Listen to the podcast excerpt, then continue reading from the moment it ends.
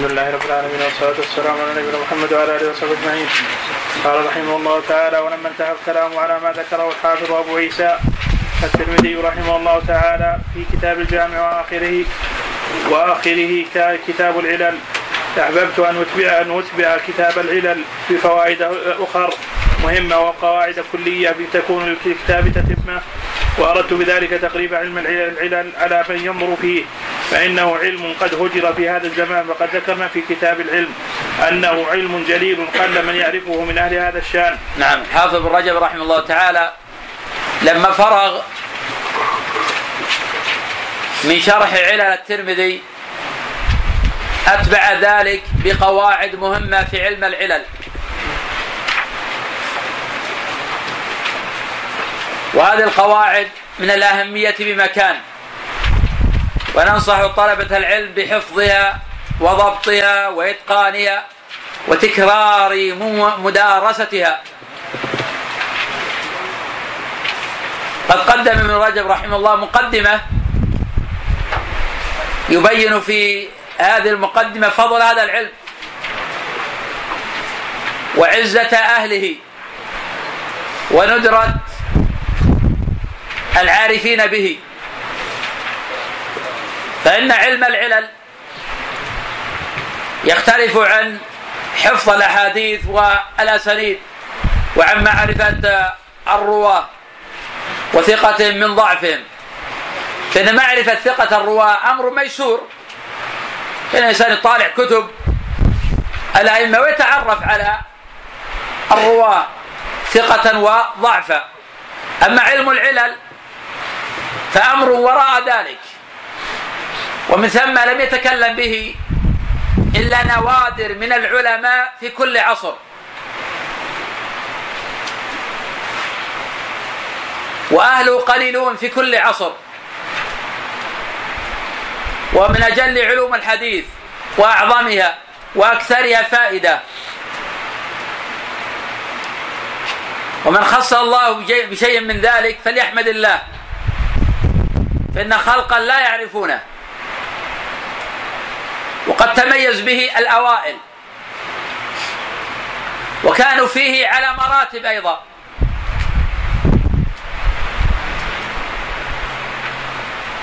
فمن الطبقة الأولى الذين عرفوا بهذا شعبة بن الحجاج ويحيى بن سعيد القطان وعلي بن المديني ويحيى بن معين وابن مهدي وأحمد بن حنبل والبخاري ومسلم وأبو داود والترمذي والنسائي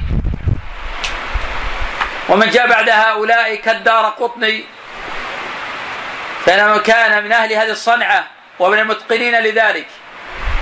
ومن تأمل كتابه العلل رأى تقدم على بعض من سبقه.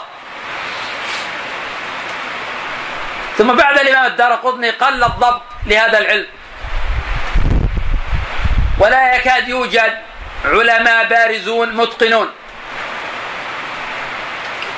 في علم العلل.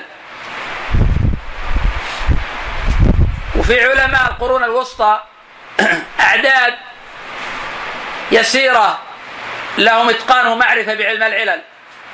من أبرز هؤلاء الإمام ابن عبد الهادي صاحب المحرر والصارم المنكي في الرد على السبكي والحافظ ابن رجب. ولا يكاد يوجد من مشايخهما من يدانيهما في علم العلل ولا من يقرب منهما أيضا. ثم عز هذا العلم بعد ذلك. فلا يكاد يوجد من يعرف إلى هذا العصر إلا أفراد يسيرون يتميزون به ويتقنونه ويعرفونه. وهذا العلم يحتاج إلى عدة أمور. الأمر الأول الحفظ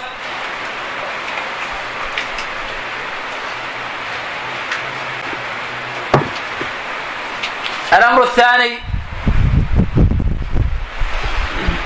المطالعة والقراءة في هذا العلم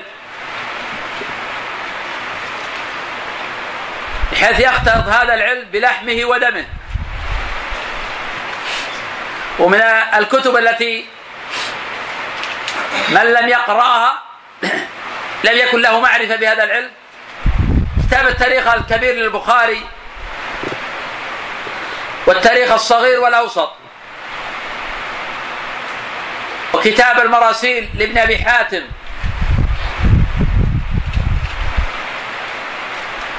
والموسوعة المطبوعة للإمام أحمد موسوعة العلل. وكتاب العلل لعلي بن المديني. وكتاب العلل لابن أبي حاتم. وكتاب العلل للإمام الدار قطني. ومن ذلك هذا الكتاب الذي ندرسه الآن وهو بين أيدينا شرع علل الترمذي للحافظ ابن رجب. هذا من أنفع الكتب في هذا في الأمور النظرية وربطها بالأمور العملية. ومن ذلك المدارسة. الأمر الأول الحفظ الثاني المطالعة الأمر الثالث المدارسة. يدارس أهل المعرفة. وربما تبين له ما خفي عليه وتبين للآخر ما عرفه الآخر. والمدارسة والمذاكرة متى ما حسنت النية فهي من أنفع الأشياء لضبط علم العلل. فإن من تذاكر يكون قد اطلع على المعلومة قبل أربعين عاما أو ثلاثين عاما يعطيك إياه في دقائق وثواني. وربما لو قرأت عشر سنين ما وصلت للفائدة. وهذا الإمام علي بن المديني رحمه الله يقول ربما عرفت علة حديث بعد أربعين عاما.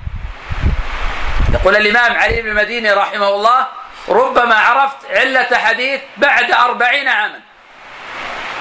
وهذا الذي عرفه علي المديني يبذله لك في جلسة. وربما لو جلست أربعين عاما ما عرفت ما عرف علي ابن المديني. ومن ثم يقول الإمام عبد الرحمن بن مهدي رحمه الله لأن أعرف علة حديث أحب إلي من أن أحفظ عشرين حديثا.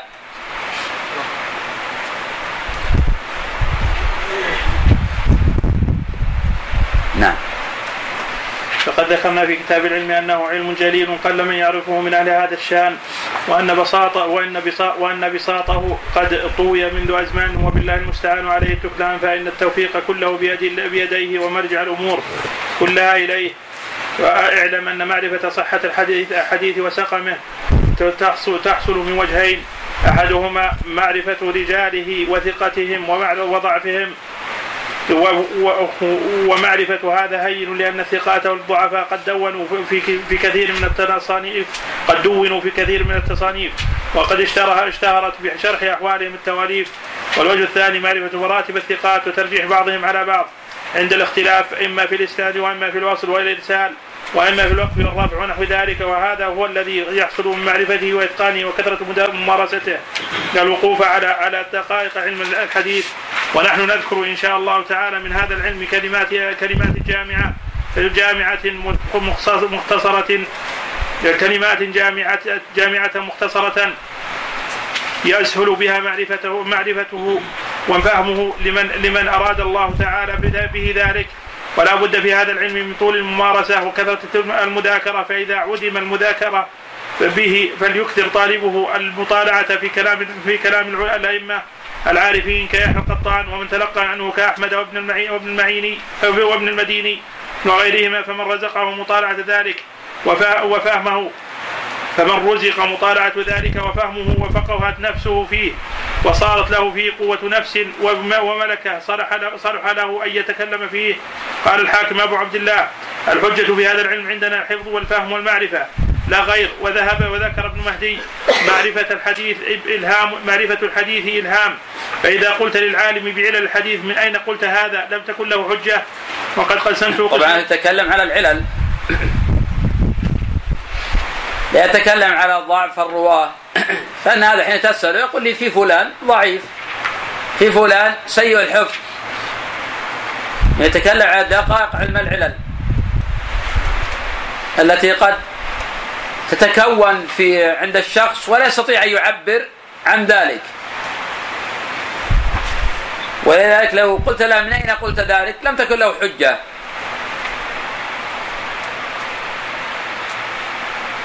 وكما قال أيضا ابن مهدي نفسه رحمه الله علمنا هذا عند الجهال كهانة.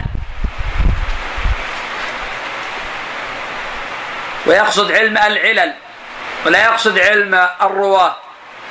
فإن هذا كما قلنا هو أمر سهل.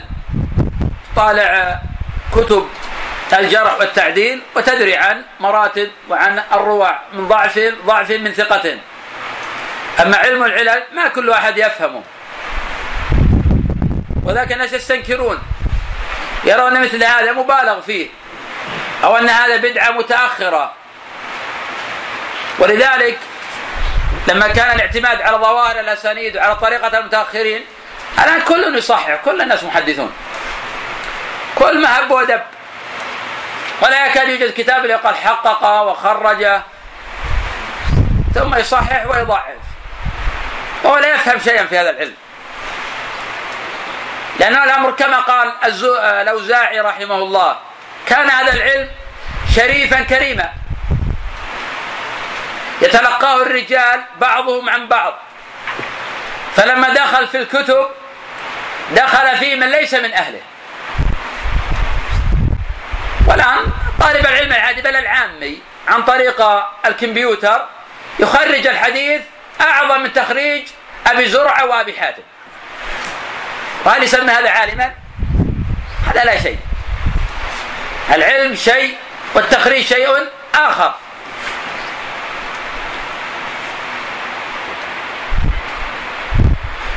ومن ثم هؤلاء جنوا على السنة جناية عظيمة.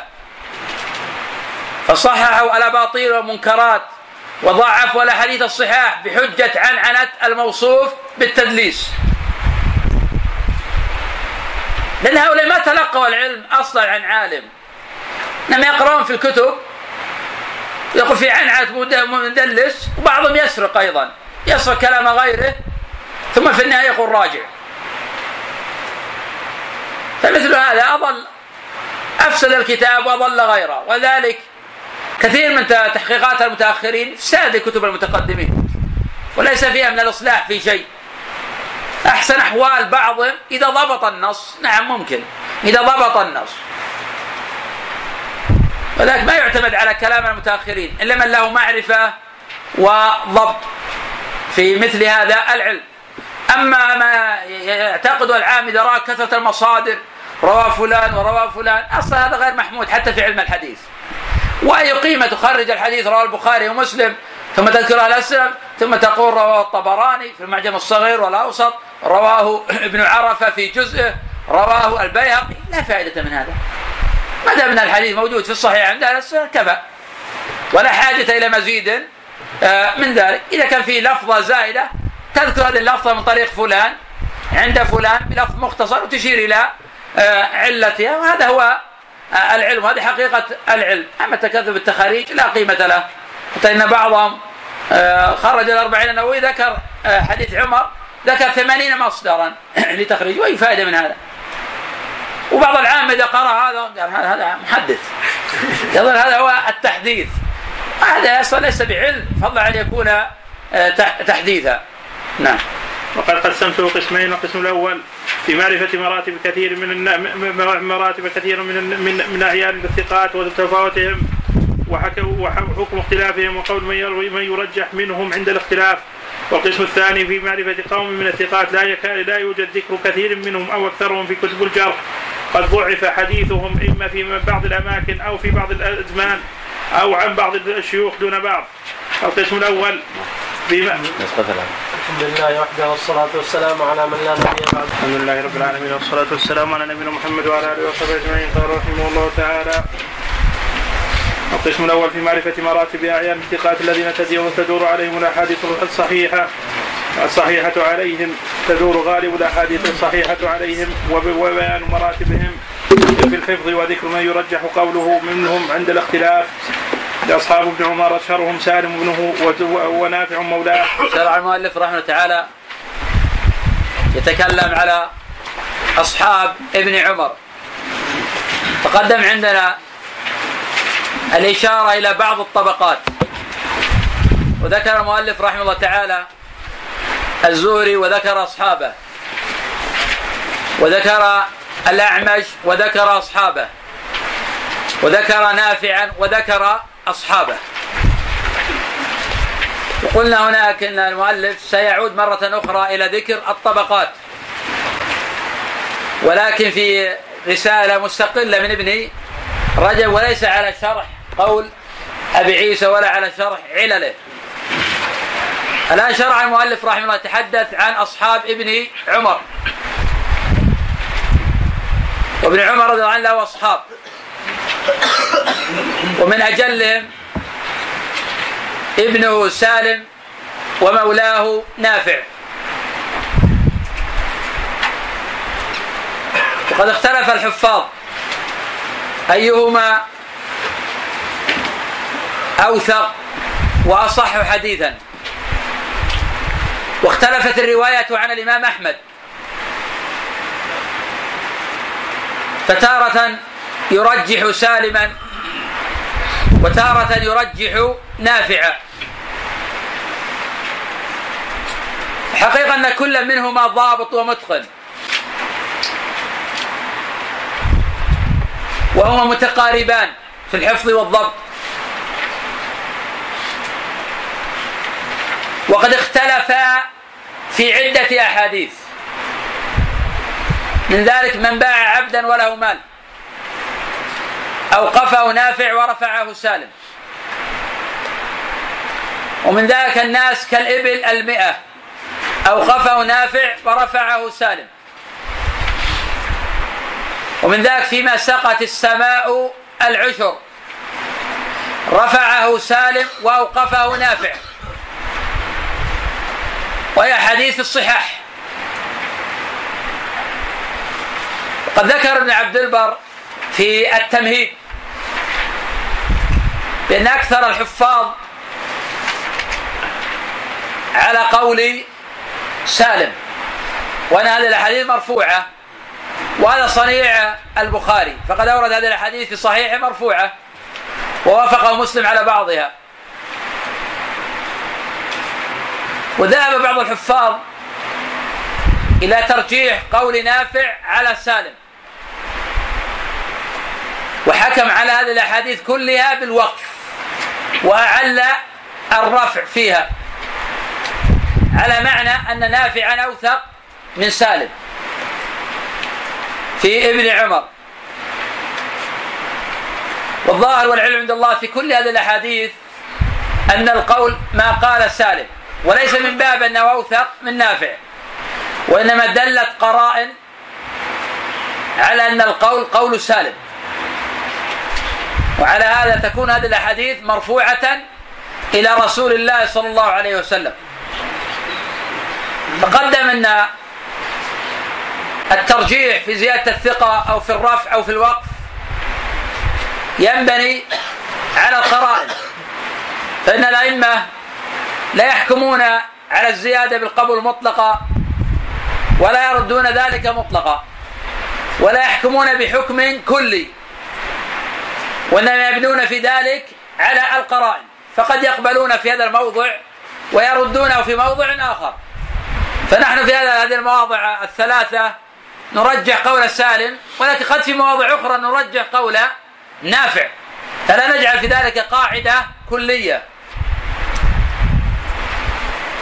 وتقدم عندنا الحديث على لا تنتقل المرأة المحرمة. وقد روى الليث بن سعد وجويرية وموسى بن عقبة وابن إسحاق وآخرون عن نافع عن ابن عمر عن النبي صلى الله عليه وسلم. ورواه مالك وأيوب وعبيد الله بن عمر العمري عن نافع موقوفا. وأوثق الناس في نافع مالك وأيوب وعبيد الله بن عمر العمري وعمر بن نافع وليس واحد من هؤلاء إلا وأوقفه والذين رفعوا ليس أحد منهم من الطبقة الأولى ولا من الطبقة الثانية بل ولا من الطبقة الثالثة. ما في أحد من هؤلاء من الطبقة الأولى ولا من الثانية ولا من الثالثة في نافع. كله من الرابعة فما فوق. وهم الذين رفعوا. ولكن البخاري رحمه الله في صحيحه رجح المرفوع.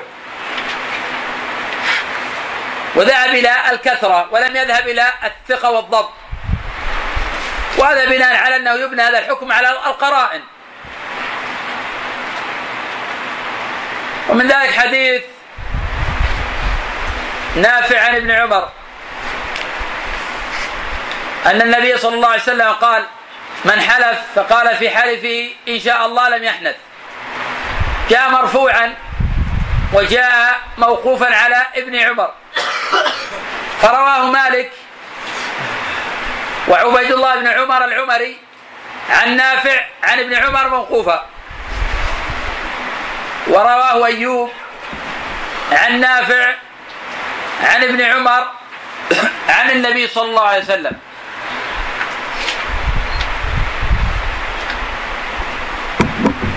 والصواب في هذا الوقف. فإن من أوقفه أرجح ممن رفعه. وعلى كل هذه أمثلة يبنى عليها. فلا نعطي في هذه المسألة حكما كليا.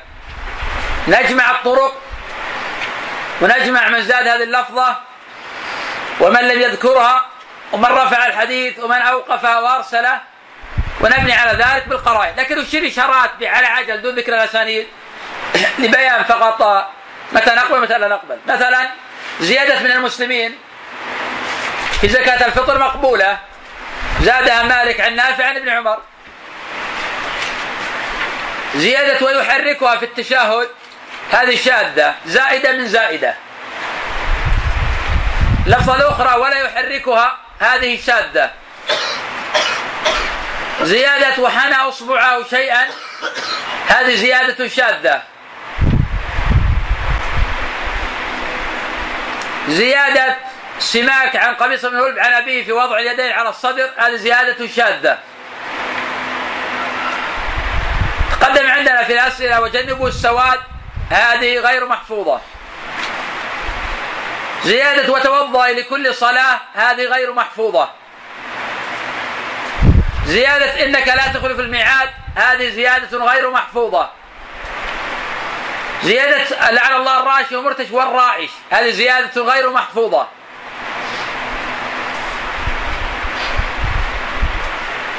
نعم.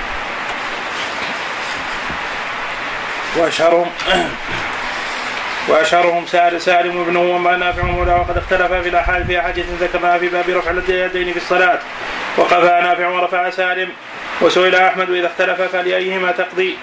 فقال كلاهما ثبت ولم يرى ان أن يقضي لأحدهما على الآخر. نقله عنه المرودي ونقل عثمان الدارمي عن ابن معين نحوه. مع ان مع أن أن المرودي نقل عن أحمد أنه مال إلى قول نافع في حديث من باع عبدا له مال. وهو هذا الذي ذهب إليه البخاري. من باع عبدا هذا ذهب إليه البخاري. ومال رحمه الله تعالى إلى رفعه؟ نعم. وهو وقف وكذلك نقل غيره عن أحمد أنه رجح رجح قول نافع في وقف حديث فيما سقط السماء العشر لكن البخاري ذهب إلى قول سالم وأن الصواب رفعه. كما ذهب في الذي قبله الصواب رفعه. كما ذهب في حديث الناس كالإبل المئة الصواب رفعه. ورجح النسائي والدار قطني قول نافع في وقف ثلاثة حديث فيما سقط السماء العشر وحديث وحديث وحديث من باع عبدا له مال وحديث تخرج نار من من قبل اليمن وكذا حكى الأثرم عن غير أحمد أنه رجح قول نافع في هذه الأحاديث وفي حديث الناس كابن المئة أيضا. وذكر ابن عبد البر أن الناس رجحوا قول سالم في رفعها أصحاب نافع مولى بن عمر. رجع آه، ابن عبد البر رحمه الله تعالى. تقدم هذا قول الجمهور. وأن الصواب نعم هو قول سالم في ذلك. فلا نعم. بسم الله الرحمن الرحيم. الحمد لله رب العالمين. والسلام على نبينا محمد وعلى آله وصحبه أجمعين. قال رحمه الله تعالى أصحاب نافع مولى بن عمر. وقد تقدم عن علي بن المديني أنه قسمهم تسع طبقات وذكر أعلاها. تقدم عندنا أصحاب نافع. بالأمس اخذنا أصحاب ابن عمر. تحدثنا عن رواية نافع ورواية سالم. اليوم نتناول رواية نافع وأصحاب نافع. وقد تقدم في كلام مضى الحديث عن طبقات ثلاثة من الأئمة. وهم الزوري والأعمش ونافع. والآن هذا في زيادة كلام على مراتب أصحاب نافع. وأصحاب نافع الكبار هم مالك وعبيد الله بن عمر العمري.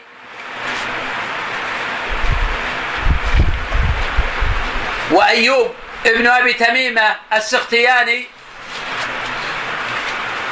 وعمر بن نافع ويلحق بهم عبد الملك ابن عبد العزيز ابن جريج. فهؤلاء أصحاب نافع الكبار. وهؤلاء يقدمون على غيرهم من الحفاظ الآخرين.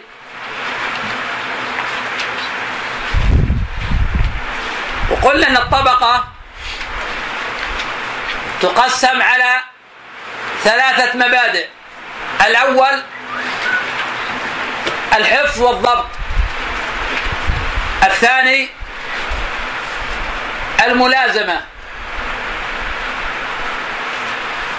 الثالث كثرة الرواية.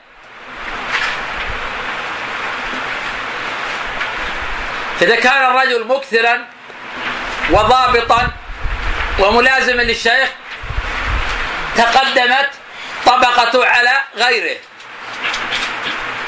وإذا قل ضبطه أو قلت ملازمته أو قل حديثه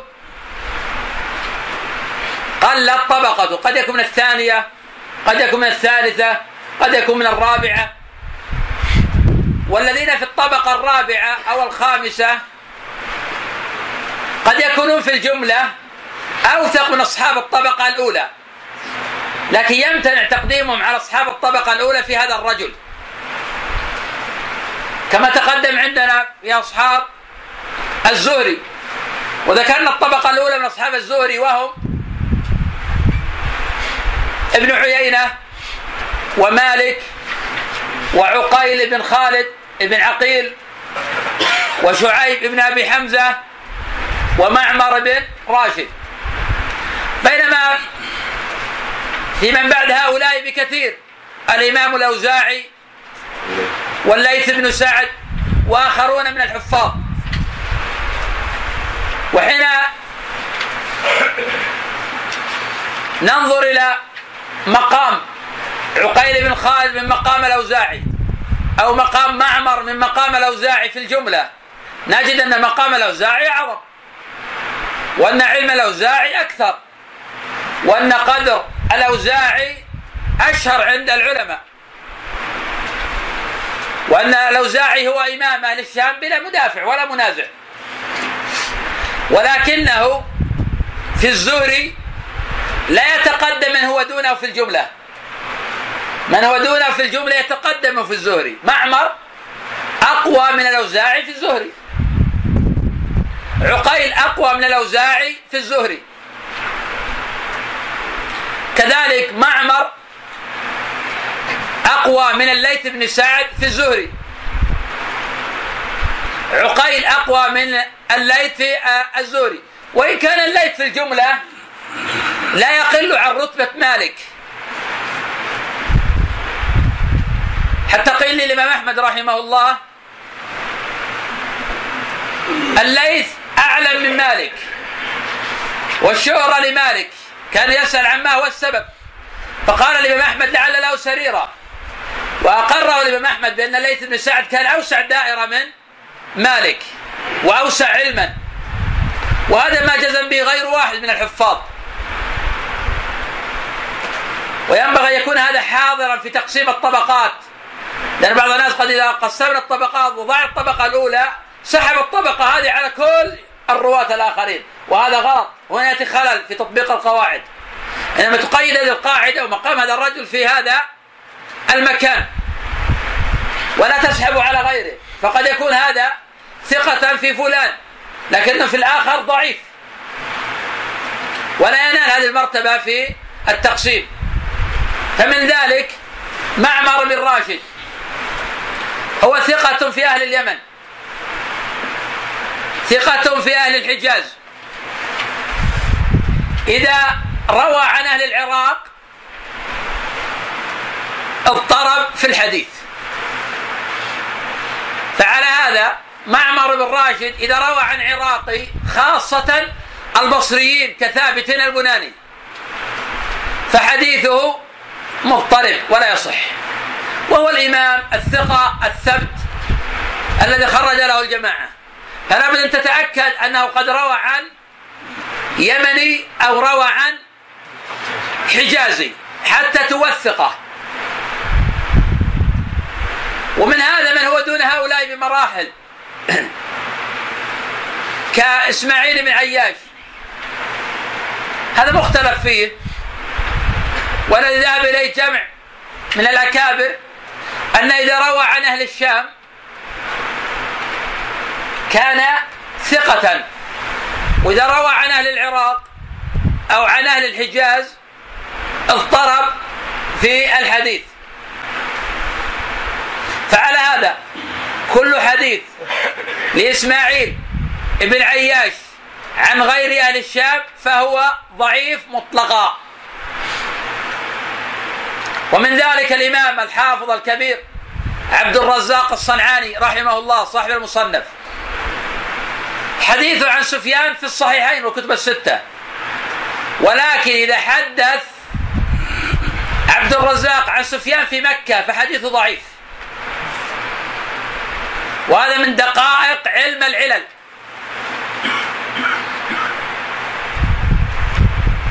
فمن هذا حديث سفيان عبد الرزاق عن سفيان عن خالد الحذا عن أبي قلابة عن أبي أسماء الرحبي عن ثوبان أن النبي صلى الله عليه وسلم قال يقتتل عند كنزكم ثلاثة كلهم ابن خليفة ثم لا يصير إلى واحد منهم. ثم تخرج الرايات السود من قبل المشرق فيقتلونكم قتلا لم يقتله أحد. قال وذكر أشياء لم أحفظها. قال فإذا رأيتموه فبايعوه ولو حبوا على الثلج فإنه خليفة الله المهدي. وهذا رواه ابن ماجه في سننه. وهذا الخبر معلول. وهذا الخبر معلول وظاهر الصحة. وقد اغتر بظاهر الجمع وخلق فصححوا هذا الخبر. وقد ضعفه وأنكره الإمام أحمد رحمه الله.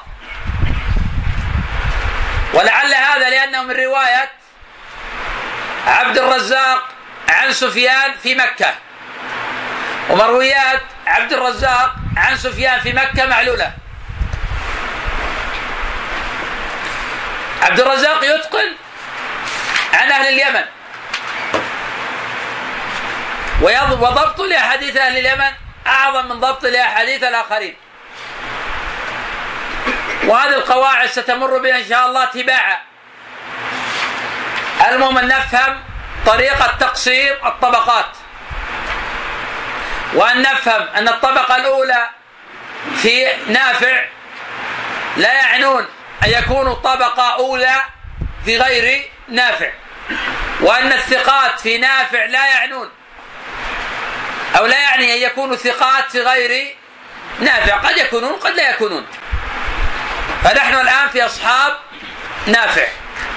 أعد. قلنا أصحاب نافع. الثقات الطبقة الأولى من هم؟ مالك. مالك. وابن عيينة. وابن عيينة. وكيل بن عيينة معنا. ليس ليس في الزهري. زهري زهري صح. مالك و عبيد الله عبد الله بن عمر العمري. وعبد و- وقيل بن خالد بن عقيل. لا هذا في الزهري. زهري صح. أيوب. بن أبي تيمية السختياني.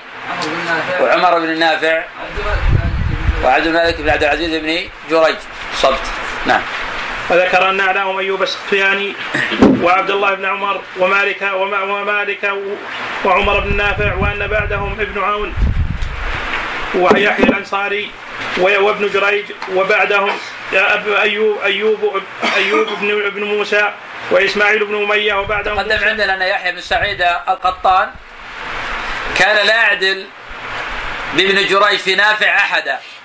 ومن ثم أخذنا بهذا القول وأوردنا ابن جريج في الطبقة الأولى معتمدين على قول الإمام يحيى بن سعيد القطان ويحيى في هذا العلم من الجلالة والقدر بمكان. دائما أحدثكم بالقصة شعبة حين وقع بينه وبين أهل الحديث نزاع. وقالوا لا حكم بيننا وبينك رجلا. فاتفقوا على التحاكم إلى الأحول. وهو يحيى بن سعيد. فتحاكموا إليه. وحكم يحيى بن سعيد القطان على شعبة ولم يحكم له. فقال له شعبة ومن يطيق نقدك يا أحول؟ فهو من العلم بمكان. وهذا الإمام سفيان لما أتى وحل ضيفا على ابن مهدي قال ائتني برجل ذاكره الحديث هذه الليلة. يقول فأتيت بيحيى بن سعيد قطان فجعل يذاكر كل الليل. فلما أصبح قال أنا قلت لك ائتني بإنسان ولم أقل لك ائتني بشيطان. فهذا إشارة إلى قوة حفظه وسعة معارفه. وكان ومن ثم كان من تلاميذه ابن المديني وابن معين وأحمد بن حنبل وهذه الطبقة التي يجمع المسلمون على هدايتهم ودرايتهم وجليل قدرهم وعظيم منزله في هذا العلم. الإمام البخاري رحمه الله يقول ما استصغرت نفسي أمام أحد إلا أمام علي بن المديني. وهذا حسنة من حسنات يحيى بن سعيد القطان. الكثير من الناس ونحن نبهنا على هذا حين تحدثنا عن يحيى. لا يعرف عن يحيى إلا جانب الجرح والتعديل. وهو كان في العبادة على قدر عظيم. كان يصوم الدار كله. إلا ما جاء النهي عنه من الأيام وهي خمسة أيام. وكان لا تراه إلا راكعا ساجدا. كان كثير التهجد. كان من كبار أهل السنة والجماعة. ومن كبار أهل الزهد والورع. ومن الآمرين بالمعروف والناهين عن المنكر. نعم. وبعدهم موسى بن عقبة وذكر أن أثبت أصحاب أصحاب نافع عنده أيوب السفياني وروى نحو ذلك وروي نحو ذلك عن ابن عيينة ووهيب وخالفهم في ذلك يحيى بن معين وقال أثبت أصحاب نافع مالك هو أثبت من أيوب وعبيد الله بن عمر والليث بن سعد وقال يحيى القطان أثبت أصحاب نافع بأيوب وعبيد الله بن عمر ومالك وابن جريج أثبت في نافع من مالك وعن أحمد في روايتان إحداهما قال أثبت أصحاب نافع أصحاب نافع عبيد الله نقلها عنه المروذي وابن هانئ. أصحاب نافع عندي. عبيد الله. نعم. جيد الآن المؤلف لما ذكر الطبقات شرع يتكلم عن عن من هو الأوثق. لأنه إذا وجد نزاع لابد ننظر الأوثق حتى نرجح رواية على رواية. وقد ذكرت بالأمس أن إذا وجد نزاع نبني على القرائن. ومن ثم في حديث آه، آه، مالك وعبيد الله عن نافع عن ابن عمر أن النبي صلى الله عليه وسلم قال من حلف على يمين فقال إن شاء الله لم يحنث. قلنا أن الوقف أرجح من الرفع. لاجتماع مالك وعبيد الله. وقد خالفه من هو إمام في نافع وهو أيوب. فهنا بنينا على القرائن. نعم. قال أحمد أثبت أصحابنا أصحاب نافع عندي. عبيد الله نقل عنه المرود وابن هانئ والثانيه قال أوثق أصحاب النافع عندي أيوب. ثم مالك ثم عبيد الله نقل ابن هانئ أيضا وزاد في روايته قال محمد بن إسحاق ليس بذلك القوي. وموسى بن عقبة صالح الحديث. محمد بن إسحاق في نافع في كلام. محمد بن إسحاق في نافع في كلام. فينبغي التوثق من تفرداته. فإنه قد يتفرد بألفاظ ويتفرد بروايات لا يتابعه عليها غيره.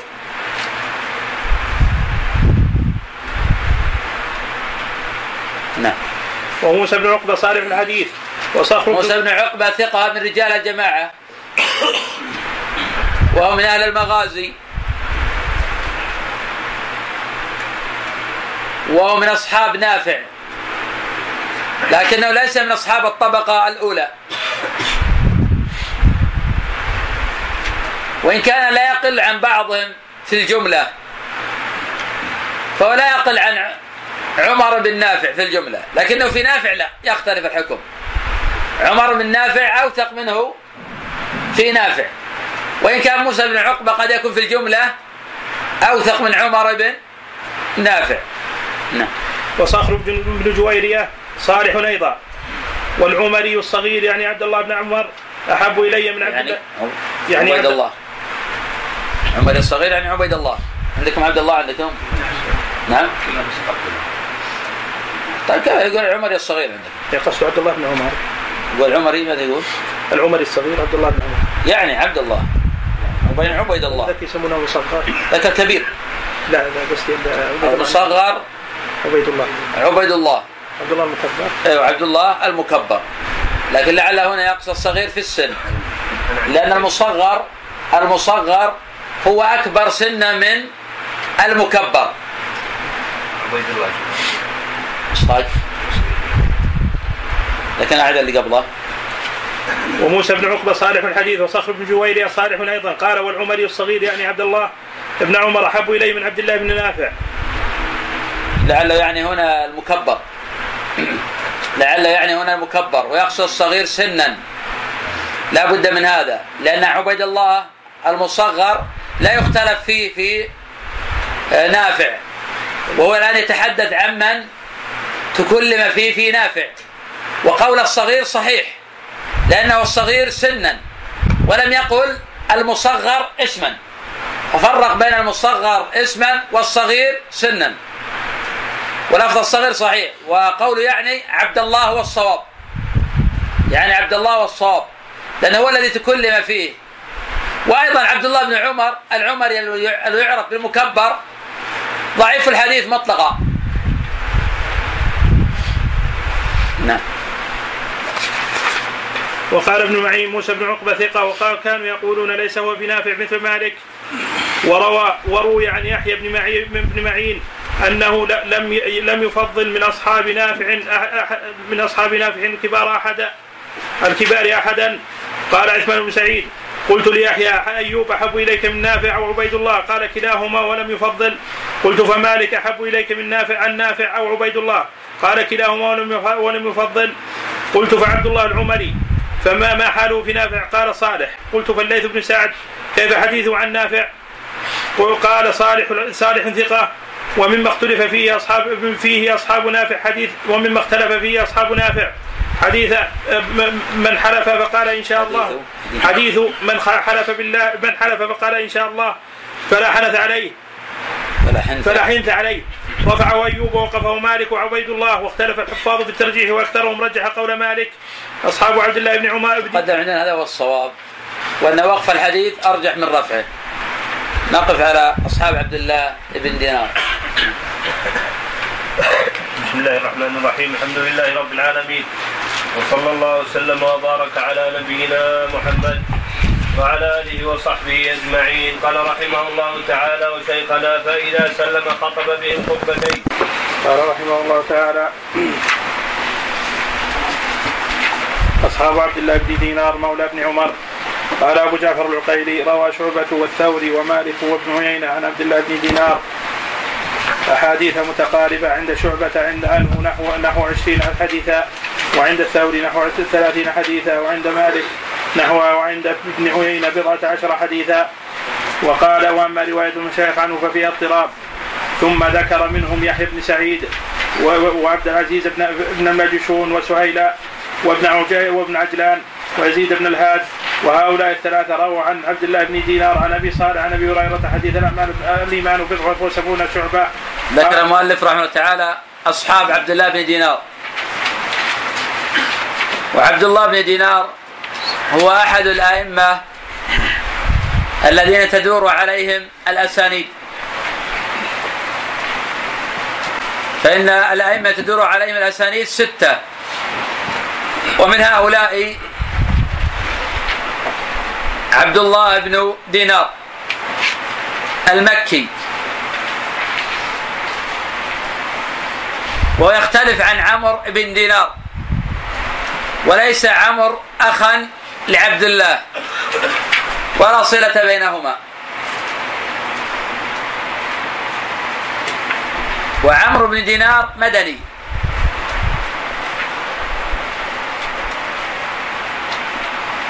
وأصحاب عبد الله بن دينار الكبار هما السفيانان الثوري وابن عيينة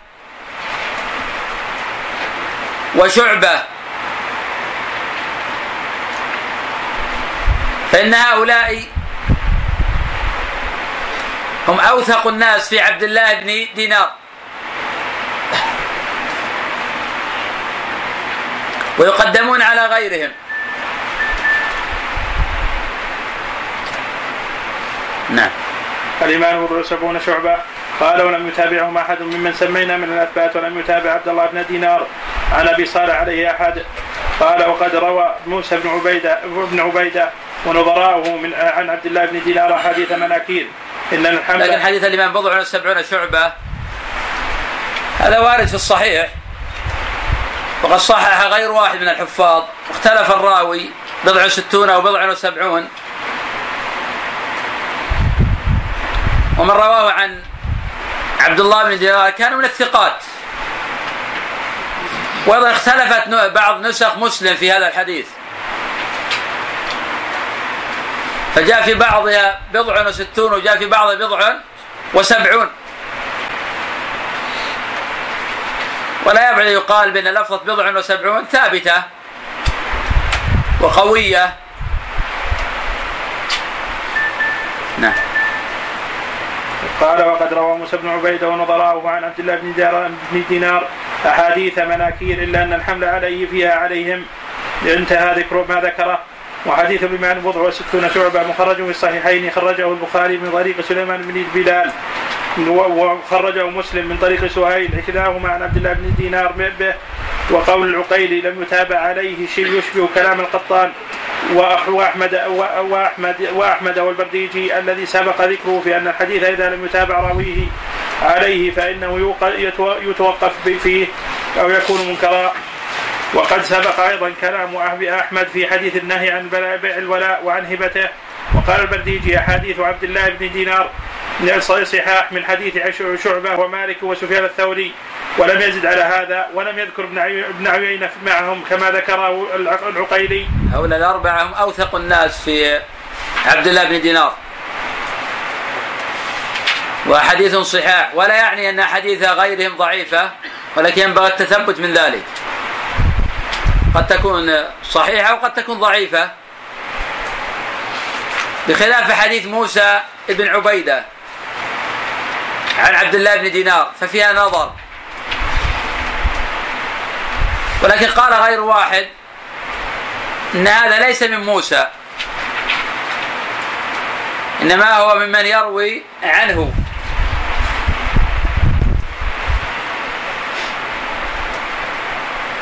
وعبد الله بن دينار هو اللي تفرد عن ابن عمر بحديث نهى رسول الله صلى الله عليه وسلم عن بيع الولاء وعن هبته. متفق على صحته. ومن الأحاديث الغرائب الموجودة في الصحيحين. ولا تلازم بين الغريب وبين الضعيف. كما لا تلازم بين المشهور وبين الصحيح.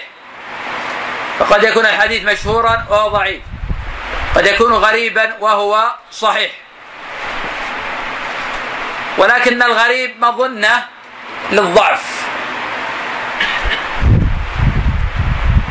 وعامة الأحاديث الغرائب ضعيفة. ومن ثم لما وجدت أحاديث صحيحة اشتهرت وعرفت. وكان العلماء يتداولونها. وفي الصحيحين وفي أفرادهما أحاديث غرائب كثيرة. من المتفق عليه من الغرائب حديث عمر إنما الأعمال بالنيات. وحديث أنس دخول الرسول صلى الله عليه وسلم مكة على رأس الموفر. حديث عبد الله بن دينار تحدثنا عنه الآن. هذه متفق عليه وغرائب. كذلك حديث كلمتان خفيفتان على اللسان متفق عليه من حديث الغرائب. حديث الاستخارة في البخاري. هذا صحيح وهو غريب. حديث خالد بن مخلد القطواني من عدالي وليا غريب وهو صحيح. وفي مسلم شيء كثير أيضا من هذا. كحديث بيت لا تمر فيه جياع أهله. تقدم قول من طعن فيه لأجل سليمان بلال أنه رواه عن هشام بن عروة عن أبي عن عائشة. قلنا انه حديث قوي. كذلك حسن صلى الله عليه وسلم حين نزل المطر إنه حديث عهد بربه في من تكلم فيه وهو موجود في صحيح الإمام مسلم.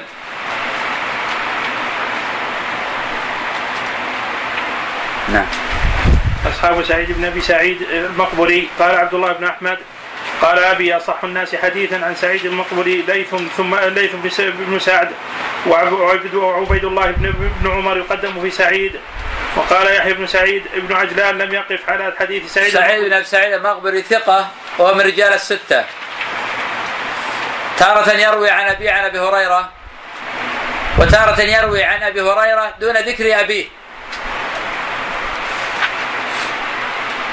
ولسعيد أصحاب أوثقهم الليث بن سعد. ويلي عبيد الله بن عمر العمري. وابن عجلان يروي عن سعيد ولكن في أحاديث عن سعيد كلام. وهل يعني هذا أنه يضاعف مطلقا الظاهر في هذا التفصيل؟ فإذا خالف ابن إسحاق فإنه لا يقبل حديثه. وإذا تفرد بأصل فإنه لا يقبل. نعم. عن عجلان عن سعيد.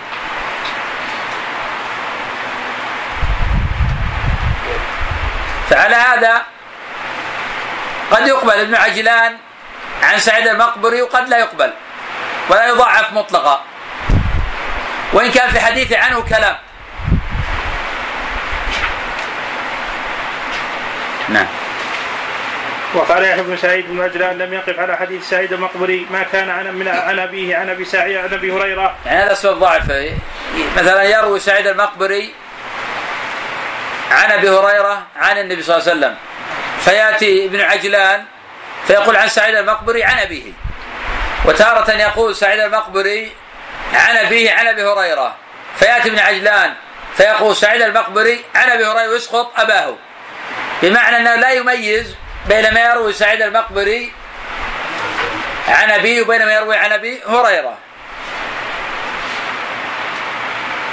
وسعيد المقبري قد روى عن أبي وروى عن أبي هريرة وأحاديث الصحاح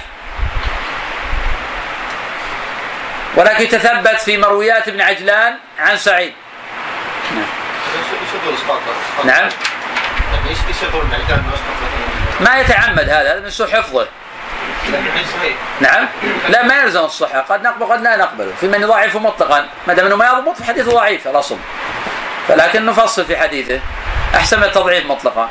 هو يأتي بالمتن صحيح؟ نعم. المتون يأتي لكن ما دام إنه يغلط في الإسناد هذا دليل على حفظه والذي يغلط في الإسناد يغلط في المتن. يسقط أبي سعيد هو يا شيخ نعم. يس- يسقط أبي سعيد. يسقط والده وتارة لا يسقطه. هو روى أصلا سعيد عن أبي هريرة يذكره تارة. تارة يذكره تارة يسقطه. شيخ رواية أبي سعيد عن أبي هريرة صحيح؟ في الصحيحين بدون أبي بدون أبيه وتارة عن أبيه في الصحيحين. كلاهما موجودان. من انواع التدليس لا ليس من التدليس هذا. إنما من سؤال الحفظ لا علاقة له بالتدليس. نعم. ما كان عن أبيه عن أبي هريرة وما رواه عن أبي لا حاجة أصلا التدليس التدليس يسقط الضعيف يذكر الثقة أصلا هم كلهم ثقات. لكن لضعف ضبطه يفعل هذا.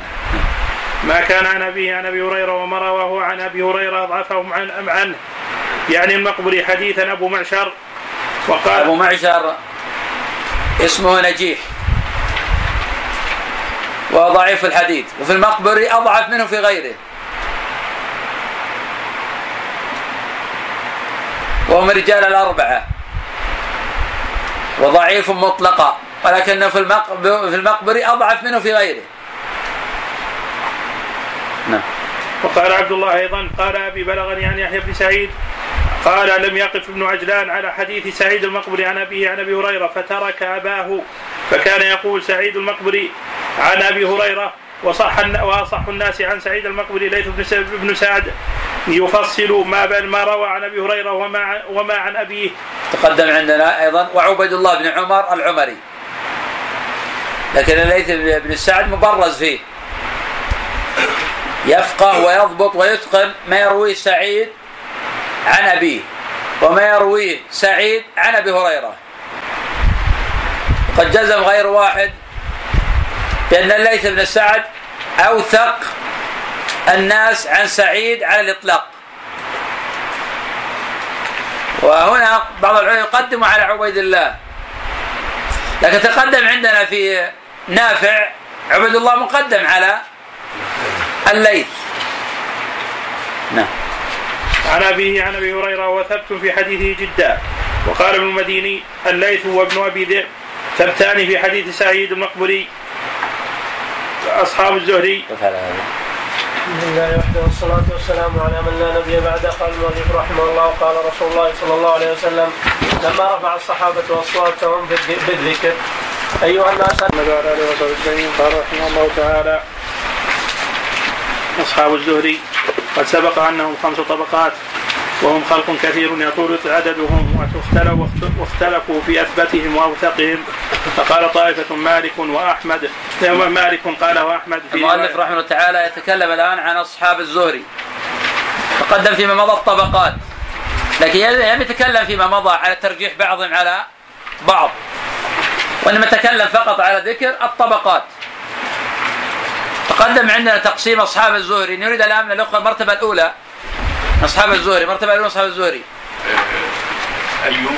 أيوب. ويونس. ويونس. وشعيب بن أبي حمزة. أكيد أيوب. نعم. نتكلم عن أصحاب الزهري. نعم. شعيب بن أبي حمزة. شعب أبي حمزة. ويونس. ويونس. و... ويونس. و... و... من يوثق منهم؟ سفيان. سفيان بن عيينة. نعم. ومالك. ومالك. ومالك. و... و... وابن أبي عقيل. بن خالد بن عقيل. نعم.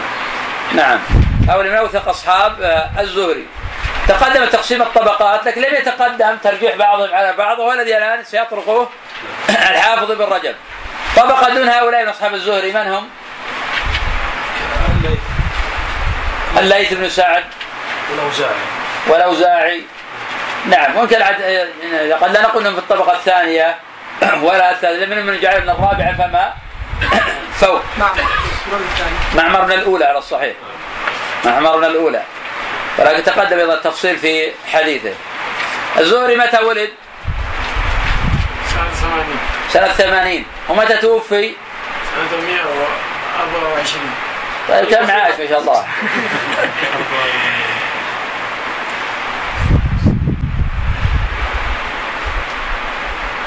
أربعة وعشرين وخمسة وعشرين استمعت طيب ما عاش الا 44 عام طيب في من يقول منهم عاش 74 عاما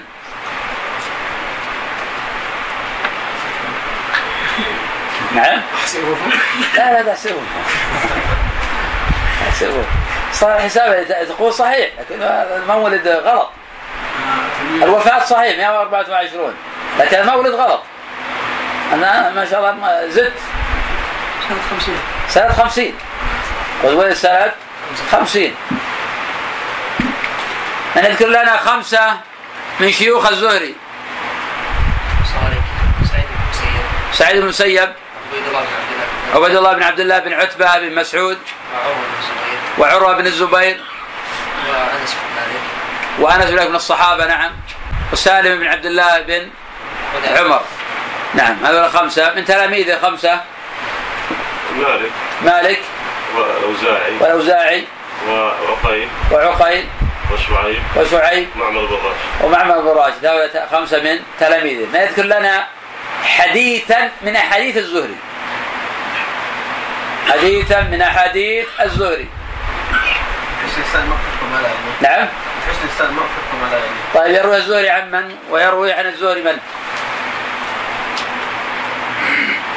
طيب اشترنا حديث الزهري. نعم؟ من حيث الزوج لكن ما طيب حديث الزهري هذا موصول ولا غير موصول؟ لا مرسل نعم؟ مرسل مسند؟ لا مرسل مرسال. طيب والموصول من؟ طريق من مرسل فيه ولا هي؟ شاه شاه بن حمزه لا لا شهر ولا يعني قرة بن عبد الرحمن معافري من الحديث حديث الزهري. الزهري هشام بن عروة عن أبي عن عائشة رضي الله عنها قال كان أول ما بدأ برسول الله صلى الله عليه وسلم رؤيا صالح يا صالح من روى البخاري رحمه الله عن أبو اليمان عن أبي اليمان عن شعيب بن ابي حمزة عن الزهري عن عبد الله بن عبد الله بن عتبة بن عباس في الكتاب الذي كتبه. صحيح. جيد طيب في حديث يروي أحد الطبقات في ضعف عن الزهري ما منكم يذكره؟ سفيان بن حسين الزهري. سيد بن حسين عن الزهري عن من؟ سعيد بن نعم صحيح. حديث من أدخل فرسان بين فرسين؟ صحيح وأحسن نعم. أثبتوا وثقوا فقال مالك فقالت طائفة مالك قال وأحمد في روايته وابن وابن عيينة. وذكر الفلاس أنه لا يختلف في ذلك. قال أحمد في رواية ابنه عبد الله في رواية ابن ابن عبد الله ما مالك ثم ابن عيينة قال وأكثرهم عنه رواية يونس وعقيل وهو معمر وقال يونس وعقيل يؤديان الألفاظ. وقال أبو حاتم الرازي مالك وأثبتوا في أصحاب الزهري فإذا فإذا خالفوا مالكا على من أهل الحجاز حك- حكم لمالك وهو أقوى في الزهري من ابن عيينة وأقل خطأ منه وأقوى من معمر وابن أبي ذئب. وقال يحيى بن إسماعيل الواسطي سمعت يحيى بن سعيد القطان وذ- وذكر يوما أصحاب الزهري فبدأ بمالك في أولهم ثم ثنى بسفيان بن عيينة. ثم ثم ثلث بمعمر وقد وذكر يونس بعده. نعم ولذلك لما كان الإمام أحمد رحمه الله تعالى وابن المديني جالسين في مجلس وتناظر في هذه المسألة فكان ابن المديني يقول ابن عيينة في الزهري أوثق من مالك. فاعترض عليه الإمام أحمد فقال مالك أخطأ على الزهري في حديثين أو ثلاثة وابن عيينة أخطأ في عشرين حديثا وقد تزيد. فسكت علي بن المديني. والأظهر عند الله أن مالكا أوثق من ابن عيينة في الزهري. ولكن في من يؤدي عن الزهري الألفاظ كما ذكر ذلك غير واحد. ولكن من تأمل في أحاديث مالك عن الزهري والأحاديث الموجودة في الموطأ رأى صحتها وقوتها وضبط مالك لأحاديث الزهري. ومالك رحمه الله كان من أوثق الناس في الزهري كما هو أيضا من أوثق الناس في نافع. وكان مالك رحمة الله من أوثق الناس في عامة شيوخه. بحيث إذا ذكرت طبقات شيوخه يكون مالك رحمه الله في طليعتهم. متى ولد الإمام مالك؟ 164 متى توفي؟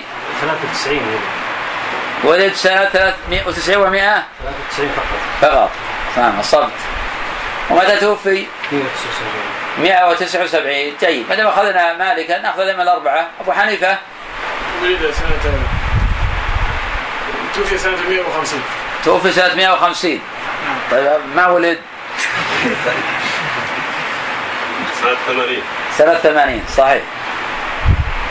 طيب بقي لنا الشافعي. الشافعي متى ولد؟ 150 في نفس العام اللي توفي فيه أبو حنيفة. متى توفي؟ 400 نعم 204 سنوات. يعني معه هو أقل الائمه الأربعة. عمراء. نعم صحيح. الإمام أحمد؟ 164 ولد سنه 164 وتوفي 164 لا ولد 164 يلا طيب متى توفي؟ صحيح. 247 247 أو أقل شوي. 245 أقل شوي. ما هو اليقين أعطيك خيارات. الله عليك نعم.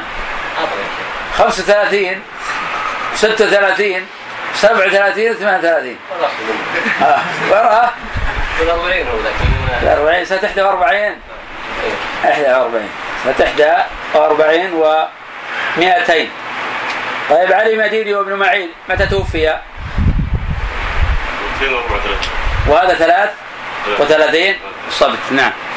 وقالت طائفة أثبته ابن عيينة قاله ابن المديني وتناظر هو أحمد في ذلك وبين أحمد أن ابن أن ابن عيينة أخطأ في أكثر من 20 سنة حديثا عن الزهري وأما مالك فذكر له مسلم في كتاب التمييز عن الزهري ثلاثة أوهام وذكر أبو بكر الخطيب له وهمين عن الزهري وأحدهما ذكره مسلم وقال يحيى بن سعيد ابن عيينة أحب إلي في الزهري من معمر ونقل عثمان الدارمي.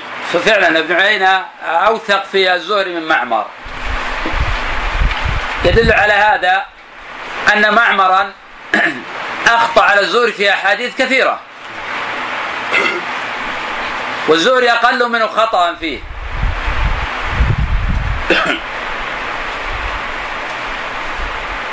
وابن عيينة في الزهري أقل خطأ من معمر. معمر أخطأ فيه على الزهري حين حدث في العراق بحديث سالم عن ابن عمر في قصة غيلان. وأخطأ في على الزهري في حديث لا صلاة لمن لم يقرأ فاتح كتاب فصاعدا زاد فصاعدا وهي شاذة. وأخطأ على الزهري في حديث إن كان جامدا فألقوه محاولا وإن كان مائعا فلا تقربوه. هذا كله أخطاء من معمر. نعم. ونقل عثمان الدارمي عن ابن ابن ابن معين. عكس ذلك وقالت طائفة أثبتهم معمر وأصحهم حديثا وبعده مالك. قاله أحمد في رواية ابن هاني عنه. وقال ابن أبي خيثمة سمعت يحيى بن معين يقول أثبت أصحاب أصحاب الزهري مالك ومعمر ويونس كانوا عالمين به. قال وحدثنا إبراهيم بن المنذر قال سمعت ابن عيينة يقول أخذ مالك ومعمر عن الزهري عرض عرضا وأخذت سماعا عرضا وأخذت سماعا فقال يحيى بن معين لو أخذت لو أخذ كتابا لكان أثبت منه يعني من ابن عيينة. قال وسمعت يحيى يقول ما أحد أحب إلي من سفيان في ويونس ومعمر وعقيل يعني في الزهري وقد كان يونس وعقيل عالمين عالمين به. وسمعت يحيى يقول معمر كان وقد كان يونس وعقيل عالمين عالمين. عالمين مثنى. عالمين به. وسمعت يحيى يقول معمر اثبت في الزهري من سفيان وذكر بإسناده عن يونس قال كان عقيل يصحب الزهري في حضره وسفره. وقال إبراهيم بن جنيد سئل يحيى بن معين وأنا أسمع من أثبت الناس بالزهري؟ قال مالك ثم معمر ثم عقيل ثم يونس ثم شعيب والأوزاعي والزبيدي وابن عيينة فكل هؤلاء ثقات. قيل له قيل له أيما أثبت سفيان أو أو الأوزاعي؟ قال فقال الأوزاعي أثبت والزبيدي أثبت منه يعني من ابن عيينة. تقدم أن الأوزاعي ليس فيها الزهري من الطبقة الأولى ولا الثانية ولا الثالثة وأنه قد تكلم في بعض رواياته عن الزهري. الصواب أن الأوزاعي لا يبلغ في الزهري رتبة مالك ولا ابن عيينة ولا رتبة عقيل ولا شعيب. ولا يونس. وهو في الجملة وإن كان أشهر منهم وأعظم منهم قدرا لكنه في الزهري ليس بمنزلة هؤلاء. نعم. فقال الأوزاعي أثبت الزبيد أثبت من يعني ابن ابن عيينة. قال ومحمد بن جعفر بن أبي جعفر حفصة. ومحمد بن أبي حفصة ضعيف الحديث. قال وسمعت يحيى بن معين يقول يونس شهد الإملاء من من من الزهري للسلطان.